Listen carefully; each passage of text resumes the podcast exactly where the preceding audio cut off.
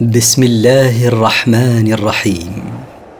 مركز تفسير للدراسات القرآنية يقدم المختصر في تفسير القرآن الكريم صوتيا. برعاية أوقاف نوره الملاحي. سورة الفاتحة مكية من مقاصد السورة. تحقيق العبودية الخالصة لله تعالى. التفسير, التفسير. سميت سورة الفاتحة لافتتاح كتاب الله بها وتسمى أم القرآن لاشتمالها على موضوعاته من توحيد لله وعبادة وغير ذلك. وهي أعظم سورة في القرآن وهي السبع المثاني. بسم الله الرحمن الرحيم. بسم الله أبدأ قراءة القرآن مستعينا به تعالى متبركا بذكر اسمه وقد تضمنت البسملة ثلاثة من أسماء الله الحسنى وهي الله أي المعبود بحق وهو أخص أسماء الله تعالى ولا يسمى به غيره سبحانه. الرحمن أي ذو الرحمة الواسعة فهو الرحمن بذاته. الرحيم أي ذو الرحمة الواصلة فهو يرحم برحمته من شاء من خلقه ومنهم المؤمنون من عباده. الحمد لله رب العالمين.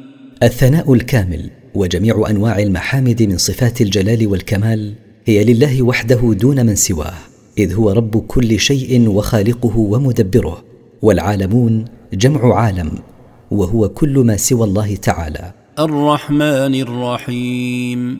ثناء على الله تعالى بعد حمده في الآية السابقة. مالك يوم الدين.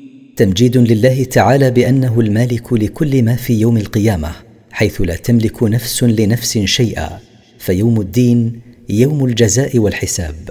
إياك نعبد وإياك نستعين.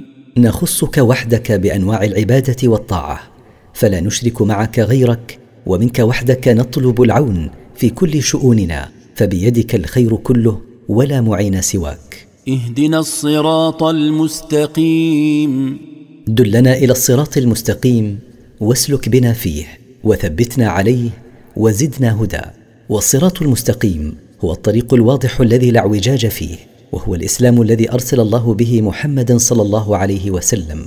صراط الذين أنعمت عليهم غير المغضوب عليهم ولا الضالين.